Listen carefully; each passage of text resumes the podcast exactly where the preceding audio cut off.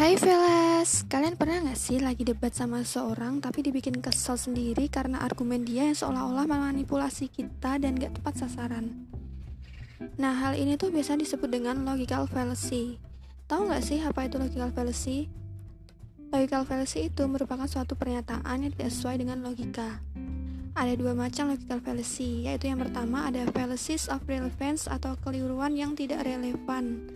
Dan yang kedua yaitu ada fallacies of insufficient evidence atau kekeliruan karena tidak cukup bukti.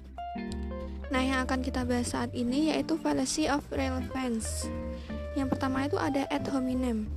Ad hominem ini adalah menolak argumen tapi dengan menyerang sisi personal lawan bicaranya, bukan malah menyerang argumennya. Dan yang kedua yaitu ada tu quoque atau yutu yaitu menolak argumen karena perilaku lawan bicara tidak konsisten dengan argumennya.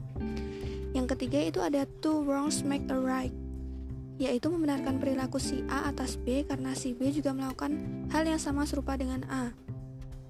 Yang keempat yaitu ada appeal to fear, yaitu membenarkan sesuatu atas dasar rasa takut atau paranoid dengan hal buruk yang akan terjadi. Selanjutnya yang kelima yaitu ada appeal to pity, yaitu membenarkan sesuatu atas dasar kasihan. Yang keenam ada strawman yaitu membesar-besarkan argumen lawan bicara secara sengaja agar mudah diputarbalikan.